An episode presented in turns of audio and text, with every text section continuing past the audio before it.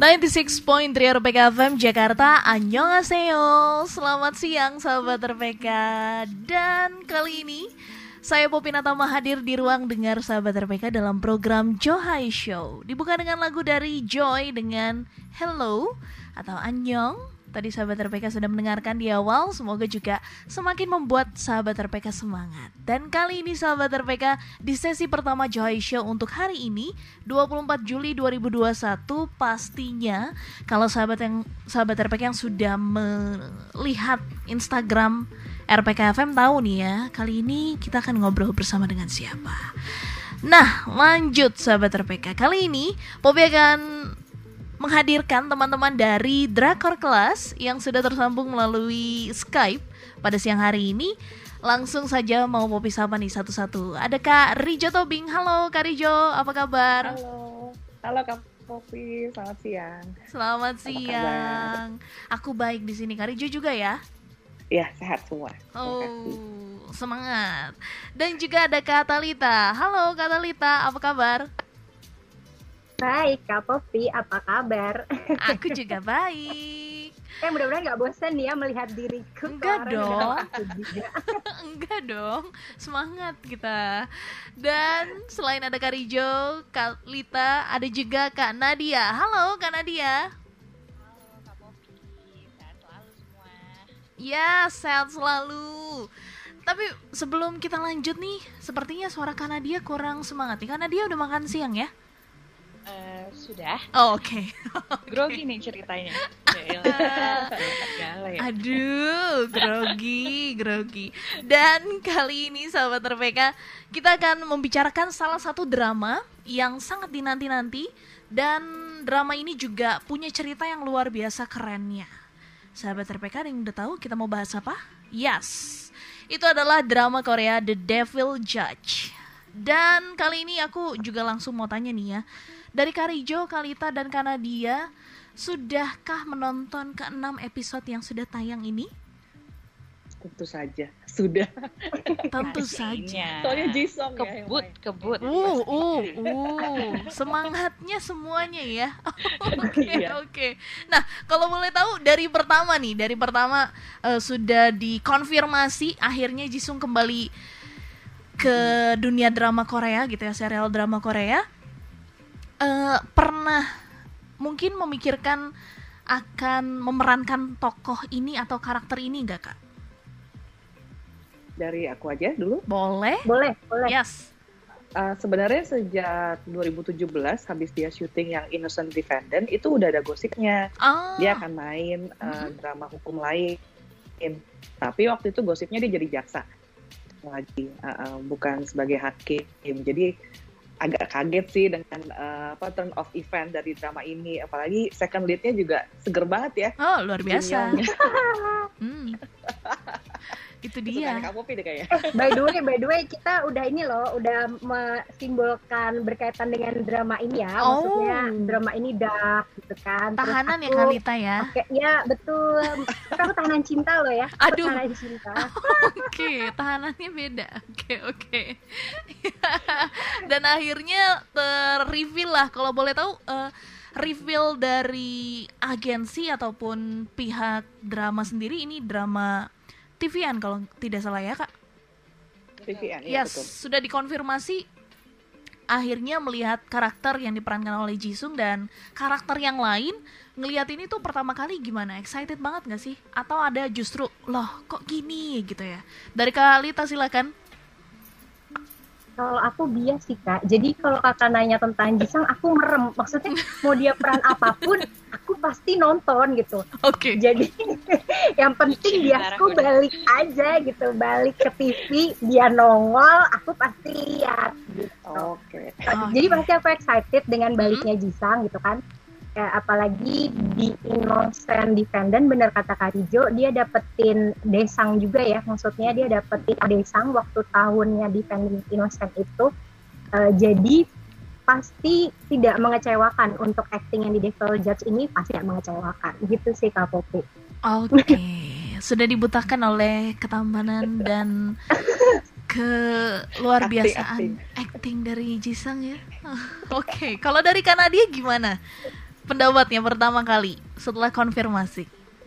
Kalau aku sih jujurnya ya, kalau di antara Karijo sama Karita yang memang udah bucin parah sama Jisung ini, aku justru newcomer karena Oh, ya benar, aku gimana ya, gak terlalu mengikuti dramanya beliau, mm, bu, gak get into juga awalnya sama Hmm. drama-drama beliau. Maksudnya ya udah oh dia pemainnya cukup gitu.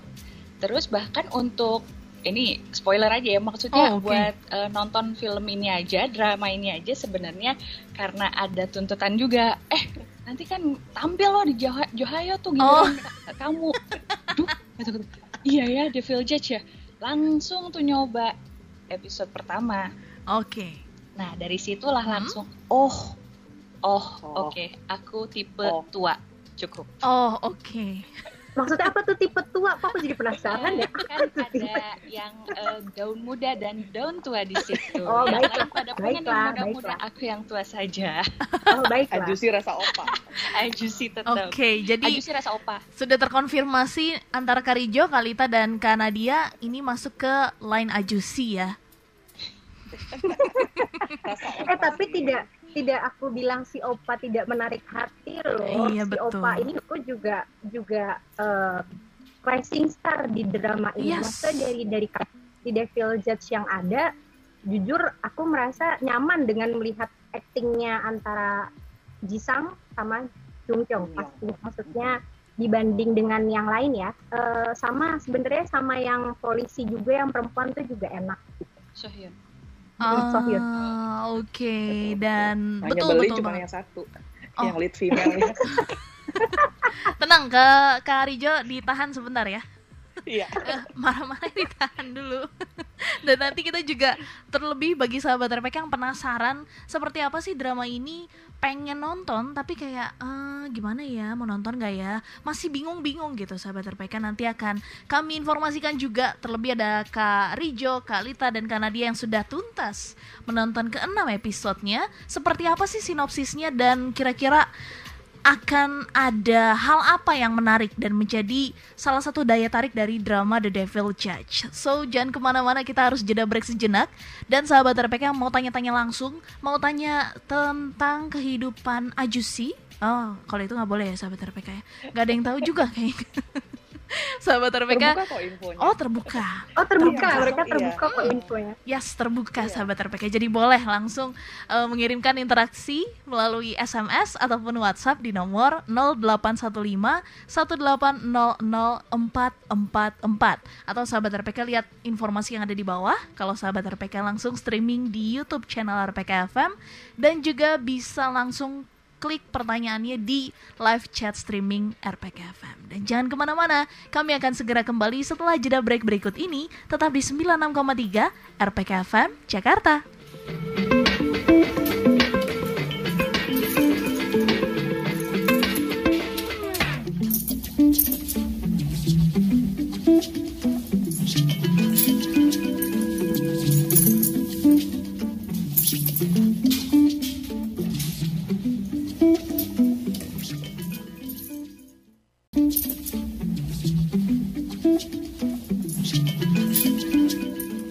Annyeonghaseyo, selamat siang sahabat RPK Kita lanjutkan kali ini Johai Show bagian yang pertama bersama dengan Karijo Tobing, Katalita, dan Kanadia dari Drakar Class. Untuk pekan ini sahabat RPK kita akan berbincang mengenai drama The Devil Judge. Nah, Kali ini Bobby akan informasikan dulu nih ya untuk sahabat RPK yang penasaran nih drama yang memerankan siapa nih ya Selain tadi kita sudah sebut-sebut ada Jisang dan Jin Young Jin Young God Seven, ada juga Park Yoo Young dan juga ada Kim Min Jong. Nah, kalau boleh tahu nih kak, eh, sinopsis dari drama The Devil Judge sendiri itu seperti apa sih? Silakan. Eh, aku aja yang mulai ya. Yes, boleh Devil. Judge.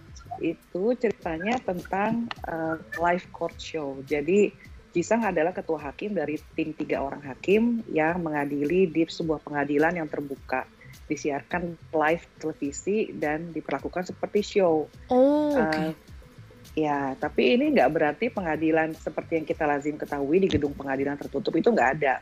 Tapi kasus-kasus yang kontroversial yang dipilih ditayangkan di TV. Hmm.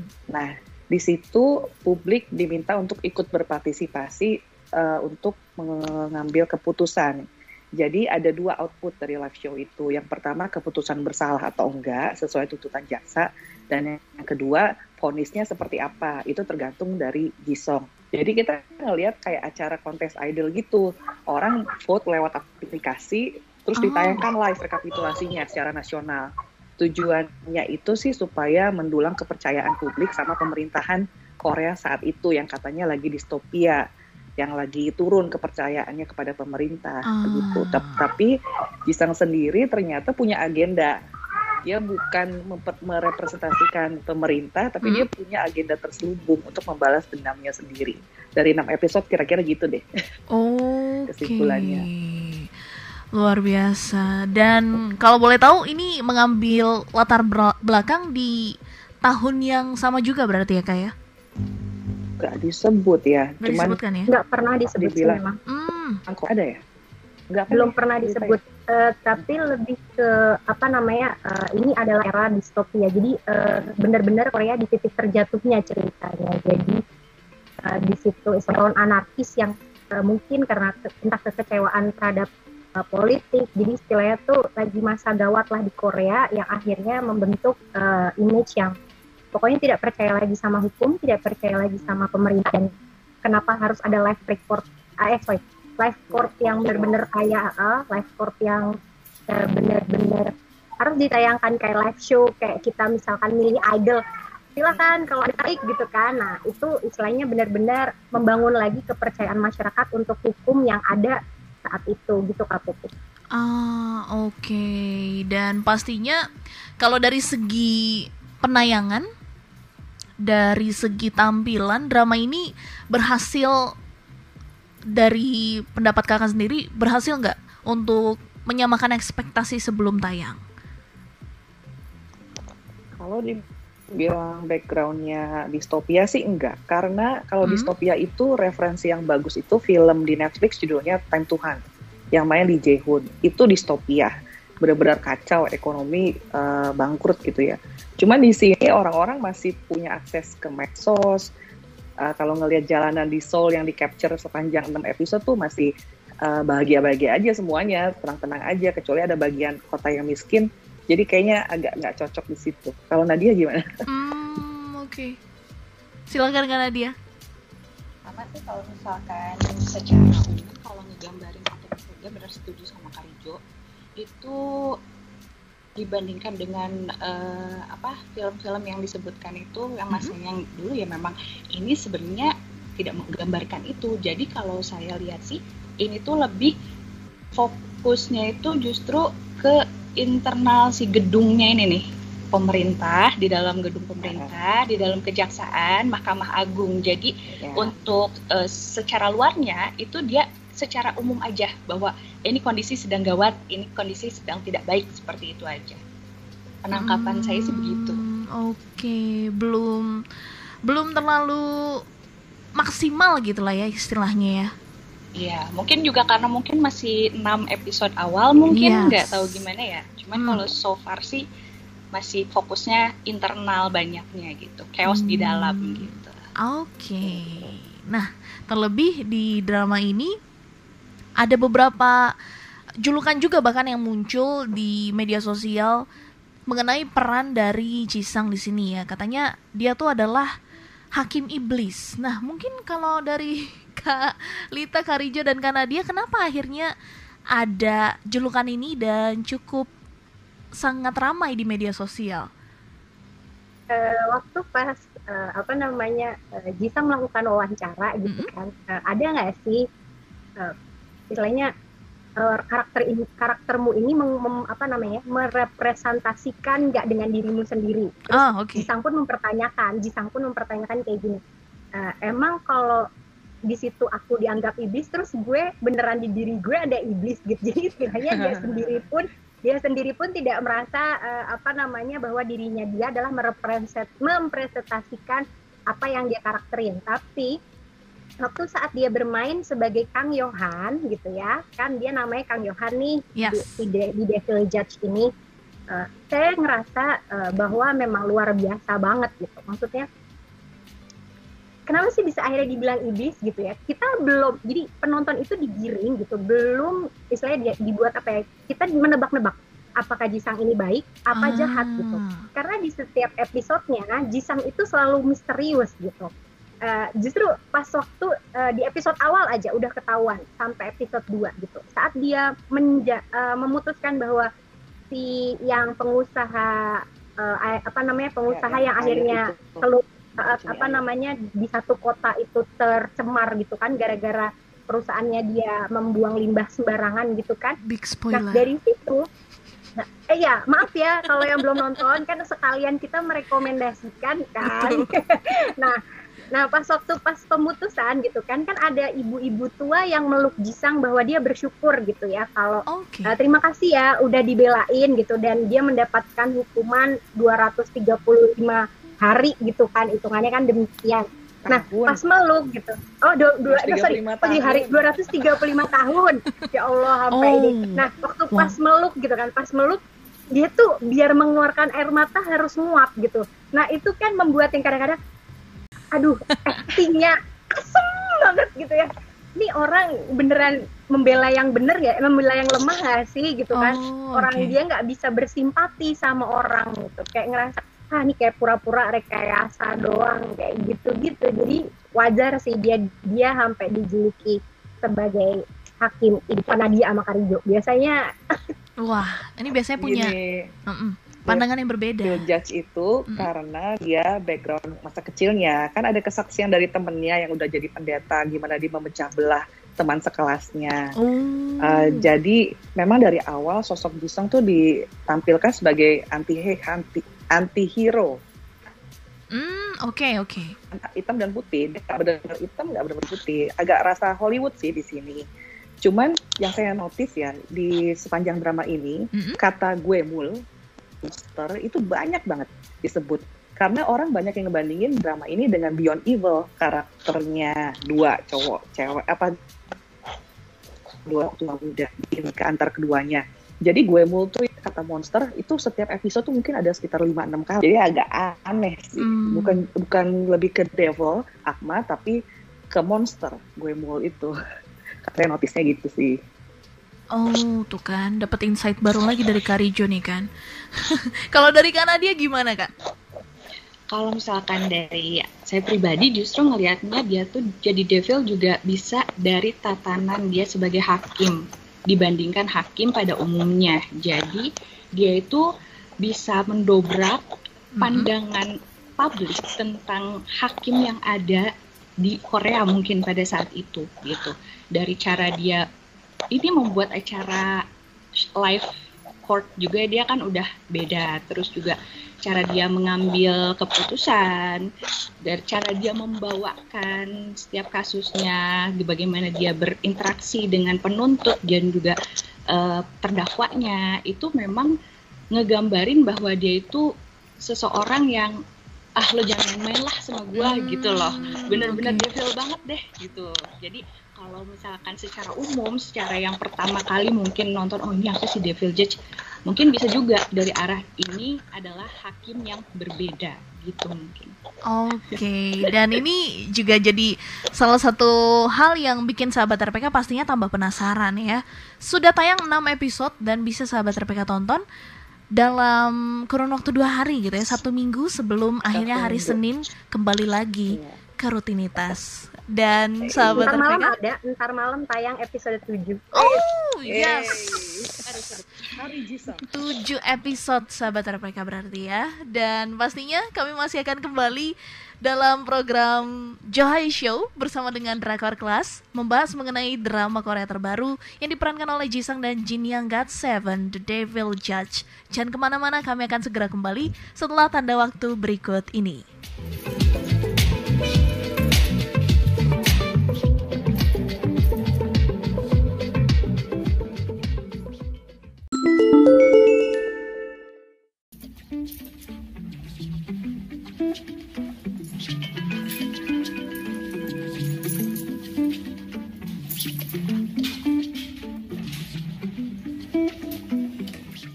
Masih di 96,3 RPK FM Jakarta Annyeonghaseyo Selamat siang menjelang sore sahabat RPK Kali ini saya Popi Natama hadir di ruang dengar sahabat RPK Tentu saja dalam program Cahaya Show. Melalui studio RPK FM yang ada di Dewi Sartika. Dan di siang hari ini Popi tidak sendiri, masih ada teman-teman dari Drakor Class Ada Kari Tobing, ada Kak Talita, dan Kak Nadia. Kita lanjutkan kembali kali ini masih dengan topik drama Korea Selatan terbaru yang berjudul The Devil Judge. Nah, di sini kan yang menjadi bisa dibilang topik utama kan kedua pemeran pria nih antara Jisung dan juga Jin Yang.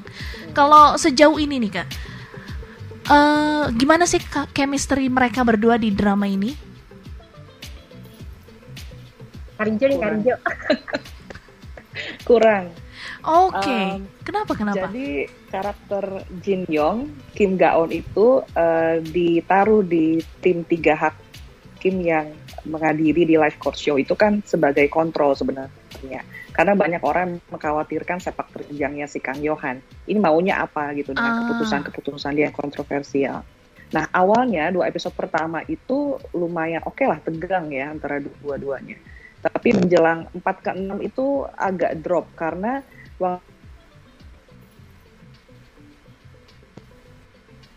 Oh. Gaon terluka dan akhirnya dibawa ke rumah uh, Johan buat, buat uh, menyembuhkan diri dan sampai akhir episode 6 masih tinggal di situ.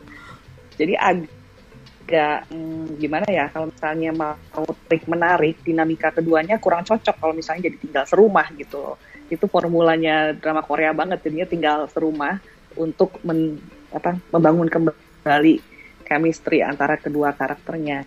Kalau menurut saya sih begitu. Oh. Jadi kurang. Oke. Okay. Justru dengan uh, plot yang sering ada di drama Korea tuh justru nggak dapet gitu ya ternyata ya chemistry-nya ya. Jadi down iya. Hmm. Malah lebih intens antara Johan dengan si siapa namanya yang sekretaris itu lupa nama di tokohnya Sun Ah kalau nggak salah itu yang intens banget tuh episode terakhir 5 dan 6 Oke, okay. nah tapi kalau dari pandangan Kak Lita atau Kak Nadia mengenai dua karakter yang lagi dipuja-puja banget nih, gimana? Kalau misalkan diriku, hmm, karena si Kim Gaon kan memang aku merasa dia terombang ambing ya maksudnya apakah aku harus benci dengan Johan gitu ya ataukah aku uh, jadi dia merasa bahwa aku perlu mikir mungkin uh, kita juga masih berpikir si Kang Yohan ini apakah benar-benar yang tadi disebutin Karijo uh, agak dinotis kalau dia itu monster gitu ya alias hakim iblis gitu kan. A atau uh, dia hanya orang baik yang tersakiti. Allah oh, apa sih? Dalamnya ya maksudnya kan uh, sebenarnya plotnya adalah uh, si Kang Yohan ini kan memang punya rencana di balik dia menghakimi orang-orang penting yang hmm. ada di Korea saat ini ya. Uh, akhirnya kan terakhir di episode 6 ini sekali lagi spoiler maaf ya. Uh, jadi dia kan berencana untuk mengadili uh, Menteri Cha presiden terus yeah. habis itu uh, uh, apa yang punya uh, yang punya stasiun televisi yang menyiarkan siarannya dia. Mm-hmm. Habis itu yang satu lagi uh, juga orang penting termasuk dan saya itu di salah satu yayasan yang membuat Johan juga uh, berdiri sampai sekarang gitu ya. Akhirnya terpilih menjadi Devil Judge gitu ya. Oh, nah, okay. nah, di episode sebelumnya itu sempat diceritakan bahwa masa lalu si Johan dan ternyata terjawablah Kim Gawon ini adalah mirip gitu ceritanya sama kakaknya Johan gitu kak. Nah, kakaknya Johan ini kan uh, apa namanya terbunuh gitu di uh, akibat entah ketidak sengajaan apa yang terjadi itu masih misterius ya gitu hmm. ya. Nah orang-orang yang ingin diadili itu ada di sana semua dan selamat. Hanya kakaknya Johan doang yang ceritanya uh, terbunuh gitu di sebuah kebakaran yang ada di sebuah gereja karena uh, masa apa waktu itu ada acara yayasan gitu ya uh, penyerah terimaan hmm. istilahnya ya uh, kayak gitu. Donasi donasi. nah, ya donasi donasi.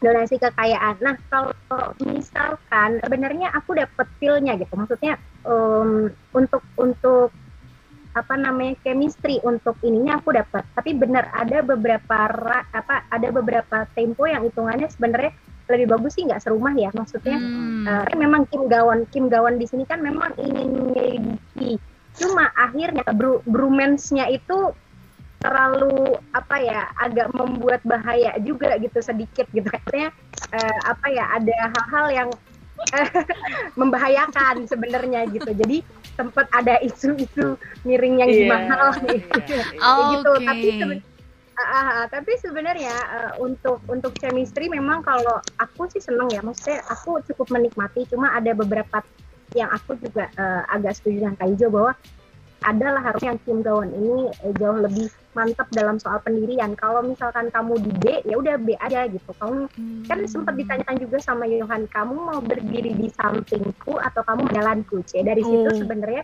harusnya Kim Gawon juga udah bisa ya.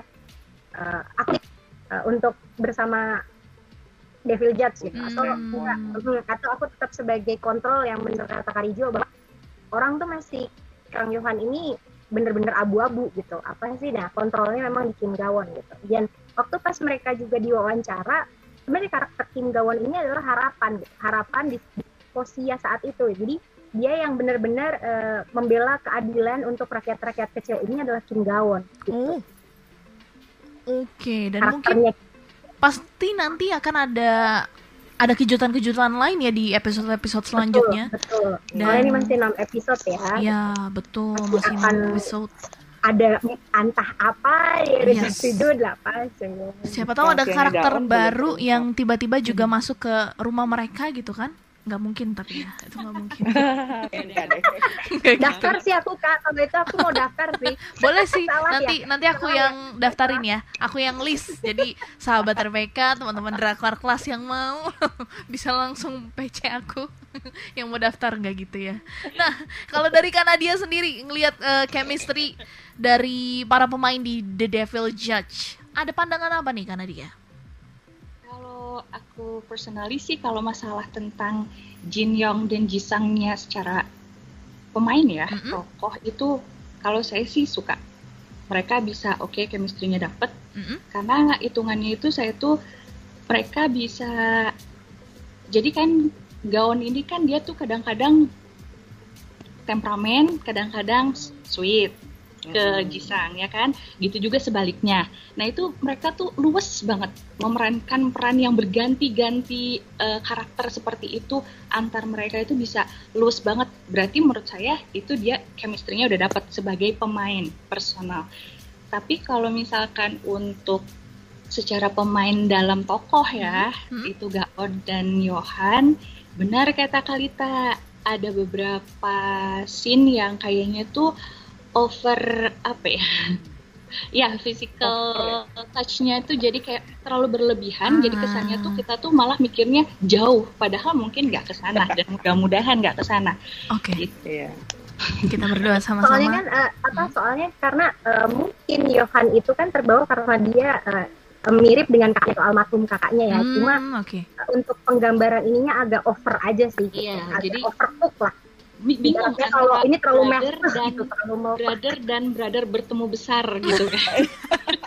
ini aku uh, kayaknya kita juga perlu tanya langsung ke penulis dari drama ini ya. Maunya tuh gimana? Atau jangan-jangan ini ada improvisasi dari nah, Jin Yang dan Jisang juga itu. Penulisnya kan mantan hakim kak, jadi dia cuma fokus ke jalan ceritanya sebenarnya ah, penulisnya. Okay. Tapi kalau untuk chemistry di itu memang mereka develop sendiri apalagi Jisang kan jauh lebih senior Betul. kan kisaran Betul. 18 tahun kan mm -hmm. eh 17 18 tahun beda usianya jadi memang dia kelihatan sang, uh, kelihatan banget sangat mengarahkan aktingnya Jin Yong mm. gitu tapi ya itu karena kita ngelihat ada semacam trending topik di Twitter ini mengarah ke mana sih bromance ini? Sempat khawatir juga nih para fansnya. Mau dibawa ke mana ceritanya? Bener-bener. Ini harus dibikin kapal baru apa gimana gitu ya? Aduh. jangan jangan bercanda ya sahabat RPK ya. Dan pastinya setelah ini sahabat RPK uh, eh, kita akan masih terus berbincang mengenai The Devil Judge.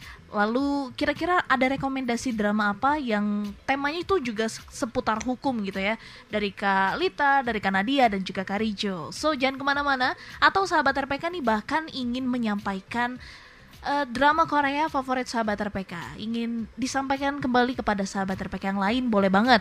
Langsung kirimkan interaksi sahabat RPK ke 0815 1800 444 atau bisa langsung chat di live chat streaming YouTube RPK FM jangan ke mana-mana kami akan segera kembali setelah jeda break berikut ini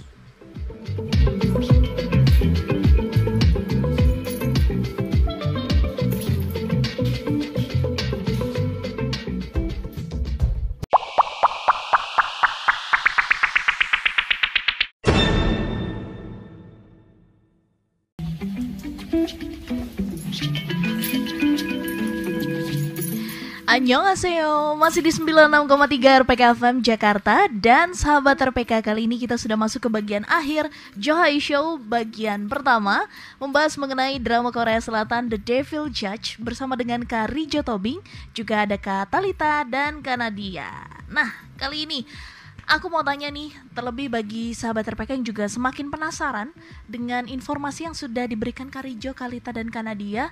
Kalau dari keempat karakter utama ini, kira-kira karakter mana yang paling disukai dan kenapa alasannya menyukai karakter tersebut? Silakan kak. Karijo masih di mute, hai. Ah yes, Karijo. Sorry, itu pertanyaan retoris karena jawabannya pasti Jisang. Ini hanya ingin uh, sedikit lebih meyakinkan gitu Karijo. Iya, um, Jisang itu matang banget ya itunya apa aktingnya. Dan dia dalam genre drama itu udah lebar banget. Mulai 2013 tuh ada Secret itu tentang cerita cinta yang bermotifkan balas dendam. 2015 ada Kill Me Heal Me dia punya uh, personality disorder yes. multiple personality disorder. Betul. terus dia di 2017 Innocent Defendant jadi jaksa yang menjadi terpidana yang difitnah 2019 Dr. John. Ini angkanya ganjil semua ya. Uh, Dr. John uh, seorang dokter yang harus mengobati orang sakit, tapi dia sendiri nggak bisa merasakan rasa sakit gitu. Kayaknya cuma Jisung deh yang bisa uh, pull off segala macam karakter rumit seperti yang dia udah ambil tahun-tahun terakhir ini. Ya, saya suka banget sama Jisung karena dia total selalu aktingnya. Tapi yang unik juga dari uh, drama Devil Judge itu bukan cuma soal akting dia dan uh, keunikan karakter dia sebagai hmm. hakim yang uh, tampil di publik dan dipuja-puja publik. Dia kan jadi selebriti baru. Orang-orang lebih memihak dia, bahkan membela di Tapi gimana dia juga bisa membawa suasana pengadilan massa yang hmm. sebenarnya kan obsolete ya. Pengadilan massa itu dulu ada di abad pertengahan orang bisa memutuskan ini dihukum rajam, dihukum apa yeah. karena suara mayoritas gitu. Betul. Itu dibawa ke setting modern kayak kita sekarang di mana kita merasa terlibat dengan adanya internet gitu kan. Itu menurut saya memang cuma Jisong yang bisa pull off karakter rumit seperti itu. Wow, itu kak. Masih karakter utama itu dari Karijo yeah. dan sepertinya juga aku melihat eh, binar-binar uh, yang sama dari Kalita. yes. Kalau Kalita ditanya, aku nggak bisa. Ntar ntar terlalu ini kabucin bahaya aku. Nggak apa-apa ini waktunya memang untuk bucin kak.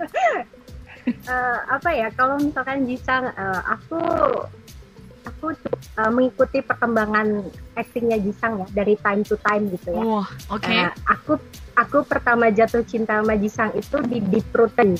Uh, itu Sagyuk, jadi Sagyuk gitu uh, kerajaan uh, dia berlaku sebagai Ju Feng Shui ya maksudnya dia Feng Shui dia memilih tempat hitungannya uh, yang akhirnya dijadikan Seoul sekarang dulu Hanyang gitu. Dia istilahnya memilih tempat bahwa ini akan dijadikan uh, pusat pemerintahan istilahnya seperti hmm. itu. Uh, itu Jisang.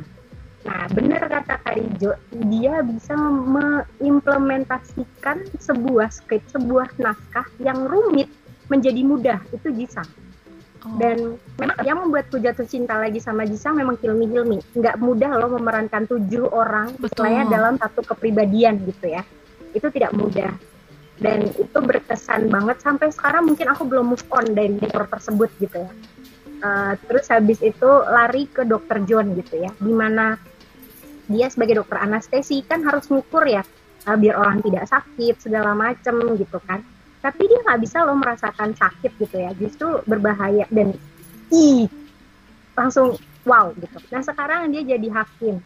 Ya udah merem lah hitungannya. Aku merasa ya apalagi di uh, innocent defendant jangan salah. Dia udah dapat desang. Itu udah pembuktian yang itu yes. nggak mesti kita kata-kataan lagi gitu ya. Semua orang bahwa uh, yo uh, dirimu berhasil untuk mendapatkan piala utama yep. pemeran terbaik. Hmm. nah kalau di Devil Judge gitu uh, yang sebenarnya ganggu bukan actingnya Jisang tapi make upnya Jisang yang buat ganggu ah. sebenarnya itu sebenarnya okay. yang yang uh, membuat hatiku agak kenapa sih harus di aku merasa make upnya itu terlalu tebal dan uh, berkesan kayak Dracula gitu mungkin ambil oh, devilnya okay. ya adanya itu jadi membuatku terlalu medok gitu padahal Jisang tuh udah ya sudah gitu uh, dia itu aja udah manis nggak perlu terlalu dibuat terlalu look aku merasa terlalu dibuat terlalu uh, terkesan untuk muda gitu. Jadi uh, agak malah terlalu ah nggak deh gitu.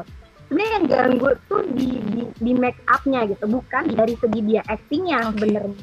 Justru aku malah suka dari uh, baju-bajunya Jin Yang gitu. Kalau misalkan dari pemasukan uh, dari masuk uh, ke karakter ya aku nah, lebih suka Kim Gawon gitu. Kim Gawon tuh di, di bener-bener di kayak Harry Potter gitu. Aku merasa dia tuh kayak Harry Potter gitu yang uh, anak anak yang tersia-sia orang tuanya meninggal ah, gitu kan okay. orang tuanya meninggal kan yeah. uh, gara-gara apa di episode 7 nih nanti kayaknya akan menguak latar belakang Kim Gawon gitu ya. Aku sih merasa begitu karena di episode uh, eh, 6 ke 7 itu ada bahwa uh, saatnya ini mengadili orang yang telah membunuh orang tuamu Kim Gawon. Jadi aku merasa di episode 7 ini akan lebih menguatkan Kim Gawon. Jadi aku merasa uh, Kim Gawon ini kayak Harry Potter. Jadi aku kalau misalnya untuk karakter aku justru suka dandanannya dan ininya Kim Gawon dibandingkan gitu. Tapi oh. kalau untuk nanti aku tetap tetap bisa gitu. Itu sebenarnya Gitu. Oke. Okay. Kalau Kanadia aku nggak tahu ya. Iya kalau Kanadia nih gimana nih gimana ceritanya?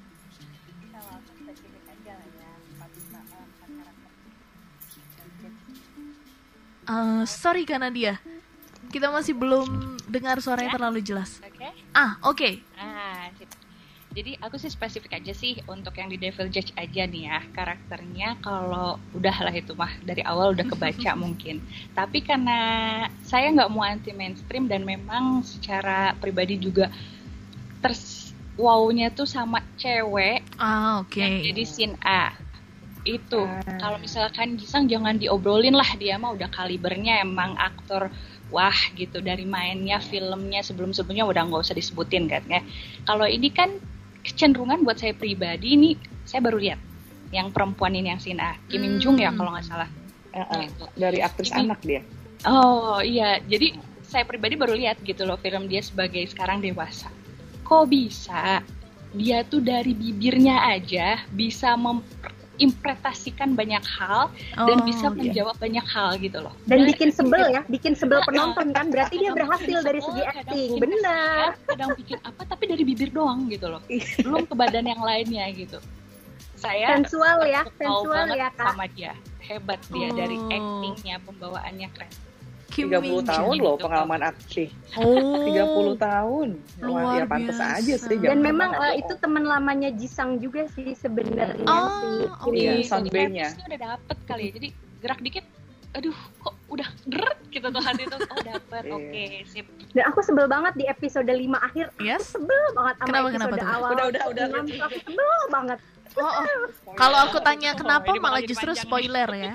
Eh benar-benar benar kalau aku tanya kenapa. Jadi aku hentikan pertanyaannya dan kali ini juga tanpa terasa 59 menit sudah berlalu dari jam 2 siang. Nah, untuk rekomendasi drama Korea sahabat RPK bisa langsung uh, karena waktu yang yeah. tidak cukup, sahabat RPK bisa langsung cek di Instagram @drakorclass, juga bisa langsung masuk ke website Drakor Class. Di sana udah lengkap, sahabat RPK mau tahu sinopsis drama apa, semua informasinya ada di sana dan bisa langsung baca tulisan-tulisan dari Karijo, dari Kalita dan Kanadia. Informasinya lengkap ada di website Drakor Class. Dan kali ini terima kasih banyak Kak Rijo, Kak Lita dan Kanadia atas waktunya untuk siaran kali ini. Sampai jumpa lagi, sampai bertemu kembali dan tetap sehat-sehat. Ya, terima kasih Kak Popi. Terima kasih Kak Popi. Kak Popi juga sehat. Annyeong. Annyeong. Sahabat RPK, Jai Show masih akan terus berlanjut hingga jam 4 sore. Setelah ini kita akan membahas mengenai salah satu agensi terbesar di Korea Selatan. Apakah itu agensi apa? Ada yang bisa tebak? Atau ada yang sudah melihat informasinya di Instagram? Nanti sahabat RPK juga bisa ikut berinteraksi melalui nomor interaksi RPK FM. Dan jangan ke mana-mana, Popi akan segera kembali tetap di 96,3 RPK FM Jakarta.